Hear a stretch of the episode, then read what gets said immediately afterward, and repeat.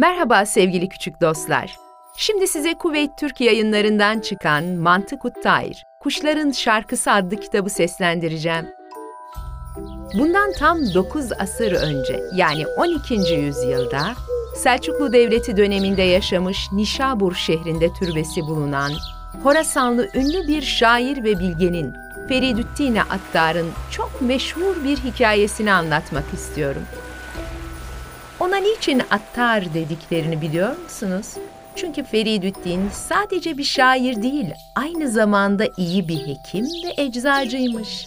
Bu özelliğinden dolayı ona eczacı anlamına gelen Attar lakabını vermişler ve Feridüddin'e Attar olarak anmışlar.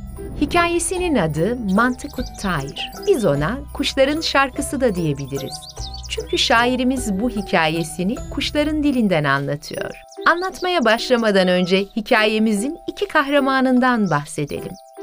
Kaf Dağı'nı duymuşsunuzdur. Simurg, kimsenin gitmeye gücünün yetmediği o dağın arkasında yaşayan güzelliği, tüylerinin parlaklığı dillere destan, duyanların, bilenlerin onu görmek arzusuyla yanıp kavrulduğu, aşkından deli divane olduğu bir kuşmuş.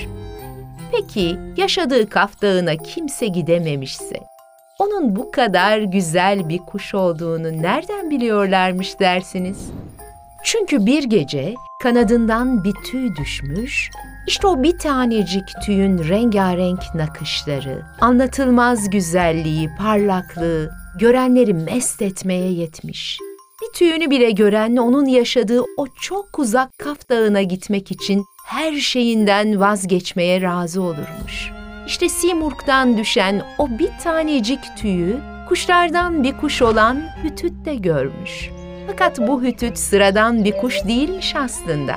Kuşların dilini bilen Süleyman peygamberin postacısıymış.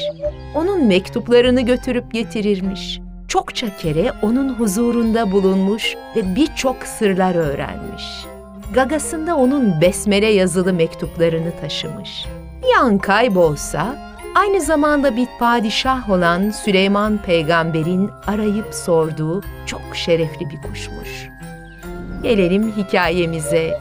Çünkü hikayemiz bundan sonra başlıyor.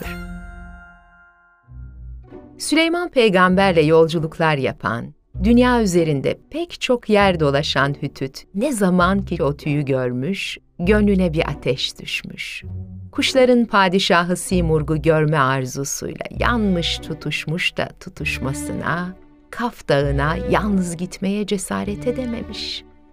Evet sevgili çocuklar, bu bölümün sonuna geldik. Kuşların macerası bir sonraki bölümde devam edecek.